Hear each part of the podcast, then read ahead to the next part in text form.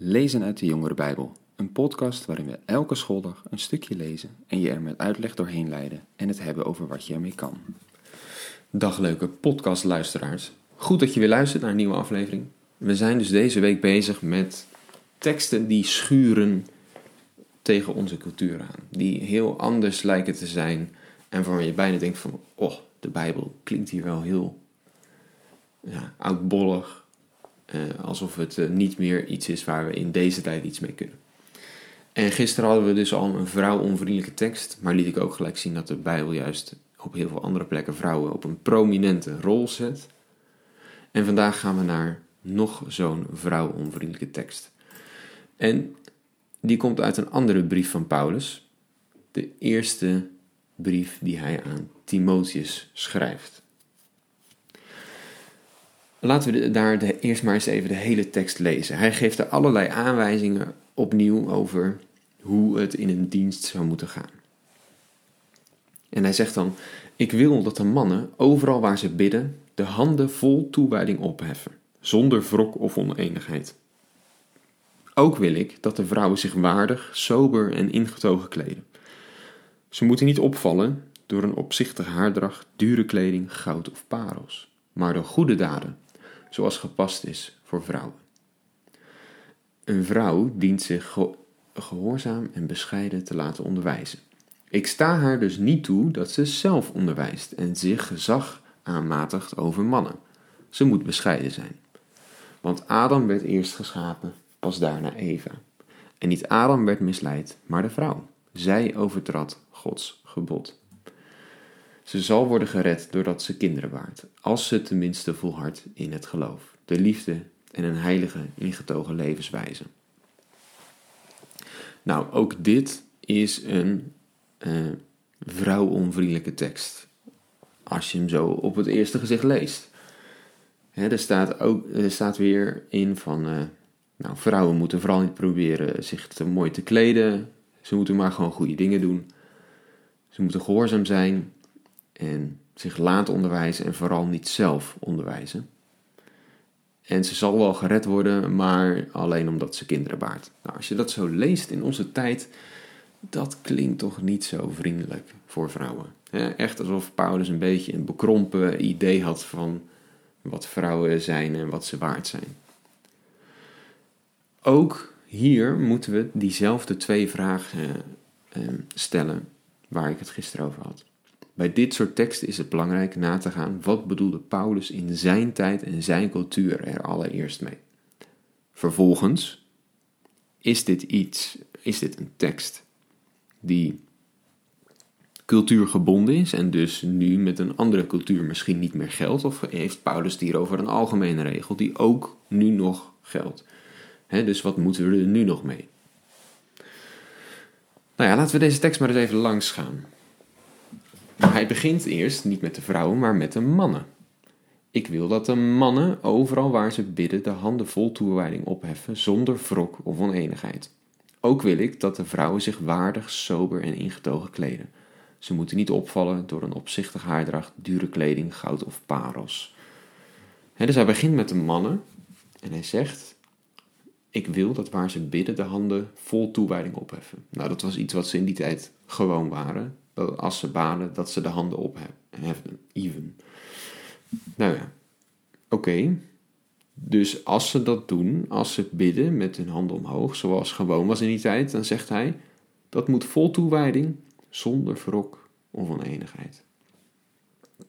Dus Paulus zegt eigenlijk, ze moeten niet afgeleid zijn. Nee, ze moeten echt zich richten op dat bidden wat ze dan aan het doen zijn. Nou, wat zou ze kunnen afleiden? Wrok of oneenigheid. Op dezelfde manier gaat hij over vrouwen praten.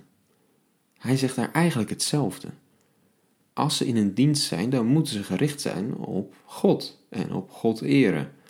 Nou, waar kunnen vrouwen door afgeleid zijn? Doordat ze zich vooral bezighouden met hoe ze eruit zien. Eh, dat ze een opzichtige haardracht, dure kleding, goud of parels. Eigenlijk lijkt Paulus hier een beetje op de stereotype man en vrouw in te gaan. Hè? Mannen vol testosteron die uh, snel ruzie maken en uh, boos zijn op andere mannen. Nee, Paulus zegt: jongens, Dat is allemaal prima, maar als je in een dienst bent, weet waarom het gaat. Als we aan het bidden zijn, dan moet je vol overtuiging je op God richten. En niet op nou, hè, ruzie die je kan hebben met andere mannen vooral. En vrouwen, eh, vrouwen hebben over het algemeen meer aandacht voor hun uiterlijk en voor kleding. Allemaal prima, zegt Paulus, maar als je in een dienst bent, moet het daar niet over gaan. Dan moet je je richten op God. Nou, dat zou heel goed kunnen, hè, dat Paulus daarover heeft, over die stereotypen. Maar als het over vrouwen gaat en over waarom hij specifiek over dure kleding, goud of parels heeft, zou het misschien ook nog wel ergens anders aan kunnen liggen. Het was namelijk zo dat in die tijd je vrouwen zich over het algemeen sober kleden en alleen maar op festivals heel uitbundig zich uh, kleden met dure kleding, goud of parels. Of het waren prostituees, want die wilden juist de aandacht van de mannen hebben. Nou, als dat is hoe men keek naar vrouwen die zich op zo'n manier kleden, dan is het eigenlijk best wel logisch dat Paulus zegt van, eh, dan kan je je beter sober kleden. Want als ze allemaal denken van, eh, dat ze zich ongepast kleden terwijl ze allemaal naar de kerk gaan, dan is dat, heeft dat ook een slechte, geeft dat ook een slechte naam aan de kerk. Dat zou hetzelfde zijn alsof ze nu zeggen van uh, ze zitten elke keer als ze naar de kerk gaan in een, uh, in een bikini. Ja, dat zou ook een beetje vreemd zijn in onze tijd. Hè? Dus Paulus zegt hier eigenlijk, als je naar de kerk gaat, ja, kleed je dan gepast. Kleed je op een manier waardoor de aandacht vooral gaat naar God en niet naar hoe je je kleedt en hoe je eruit ziet. Zeker als dat niet, misschien niet helemaal gepast is. Dus oké, dat is wel begrijpelijk hè, dat Paulus dat zegt. Maar dan dat stuk over dat ze gehoorzaam en bescheiden moet zijn, zich moet laten onderwijzen en vooral niet zelf onderwijzen. Eerste wat je daar aan moet opvallen is dat Paulus zegt dat vrouwen onderwezen moeten worden. En dat was nieuw in die tijd. De meeste vrouwen hadden namelijk geen enkele, geen manier van onderwijs gehad. Zij waren vooral thuis gebleven en dat zou ook hun leven zijn geweest. Thuis zijn en voor de kinderen zorgen. dat was hoe het leven van een vrouw er over het algemeen uitzag. Maar Paulus die zegt dus juist, laat vrouwen vooral onderwijs krijgen. Maar dan wel op een passende manier. En ook hier zien we weer iets over man-vrouwrol. want Paulus die zegt op een gegeven moment: Ik sta dus niet toe dat ze zelf onderwijst en zich gezag aanmatigt over mannen. Ze moet bescheiden zijn. Dat is iets waar Paulus in dit soort teksten vaker op terugkomt. Hoe moet een vrouw zich ten opzichte van haar man gedragen? Of andersom, een man naar een vrouw. Maar goed, dat komt dan in dit stukje niet zo erg voor. En daarbij wordt onderwijs wordt gezien als een vorm van gezag. Wat is het probleem wat Paulus heeft met vrouwen die onderwijs geven? Dan lijkt het alsof ze gezag uitoefent over mannen. Alsof ze mannen vertelt wat ze moeten doen en hoe ze zich moeten gedragen. En daar zit waarschijnlijk wel ook wel iets van cultuur in. Maar dit is, dit is wel iets wat vaker bij Paulus terugkomt. En ook het, de motivatie die hij gaat geven in de volgende versen is niet zozeer dat hij zegt van, maar je weet toch dat dat in onze cultuur niet kan. Nee, hij gaat terug naar het begin, naar Genesis. En daardoor lijkt het eigenlijk alsof wat Paulus hier zegt niet zozeer cultuurafhankelijk is, maar iets wat in onze tijd nog op precies dezelfde manier beargumenteerd zou kunnen worden. Wat zegt hij namelijk? Adam werd als eerste geschapen, daarna pas Eva. Oké, Adam was de eerste. Nou, wij kennen dat in onze tijd niet meer zo, maar in die tijd, de eerstgeborene, dat was echt een ding, hè? Dat weten jullie misschien wel uit allerlei verhalen uit het Oude Testament, met Jacob en Esau bijvoorbeeld. De eerstgeborene, nou dan had je een bepaald voorrecht. Wat was namelijk zo? Als je in die tijd de eerstgeborene was, dan was jij degene die uiteindelijk het zou overnemen van je vader, als die zou sterven, om de familie te leiden. Jij werd het nieuwe hoofd van de familie. En tuurlijk, hè, dat was een vooraanstaande rol, dat gaf jou een bepaalde status, Maar tegelijkertijd was dat een hele verantwoordelijkheid. Jij moest gaan zorgen dat het goed zou gaan met je familie. En daarom kregen bijvoorbeeld vaak de eerstgeborenen ook een groter deel van de erfenis. Dat was niet alleen omdat zij een soort van hè, privileges hadden, nee, zij hadden de verantwoordelijkheid om voor hun hele familie te zorgen. Dus daar hadden ze ook meer voor nodig. Ja, dus met dat eerstgeboren, daar zit in de ideeën van, van de mensen toen, daar zit veel meer achter. Daar zitten bepaalde verantwoordelijkheden achter, daar zitten bepaalde voorrechten achter.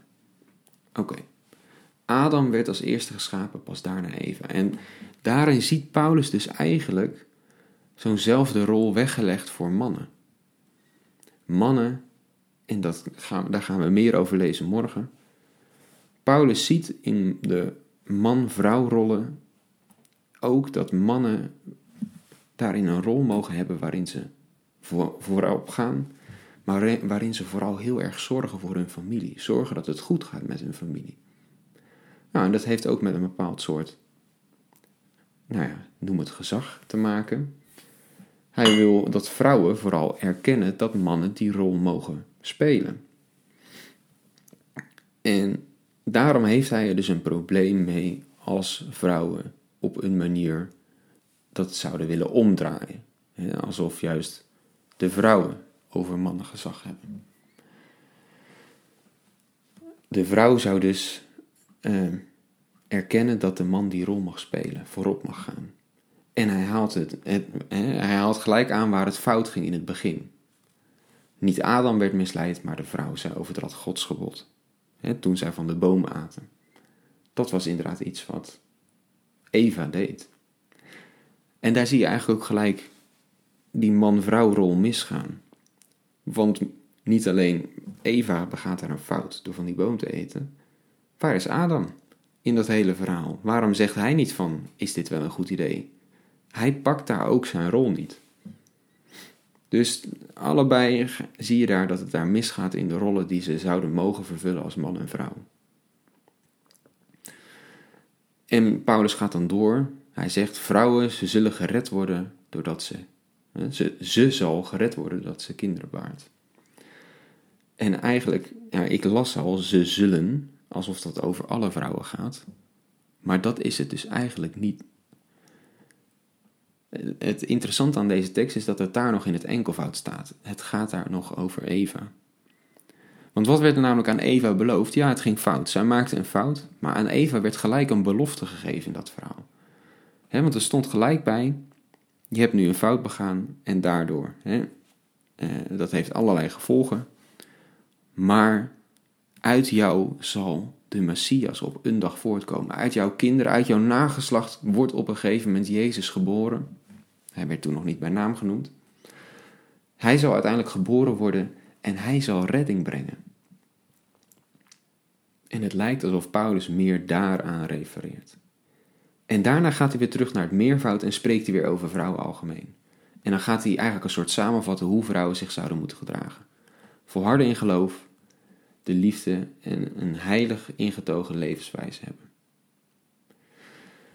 Dus hè, Paulus die is hier inderdaad heel erg bezig met man- en vrouwrollen en hoe dat ten opzichte van elkaar moeten zijn. Maar ook hier is dus wel weer meer over te zeggen. En ook hier kan je dus afvragen van, bedoelt Paulus het echt zo generiek dat alle vrouwen dus uh, het nooit zouden mogen? Want als het over dat onderwijzen gaat, het is dus al bijzonder dat vrouwen onderwezen zouden worden volgens Paulus in dit stuk. En dat, dat zij niet zelf zouden onderwijzen, dat, gaat gooit hij op gezag.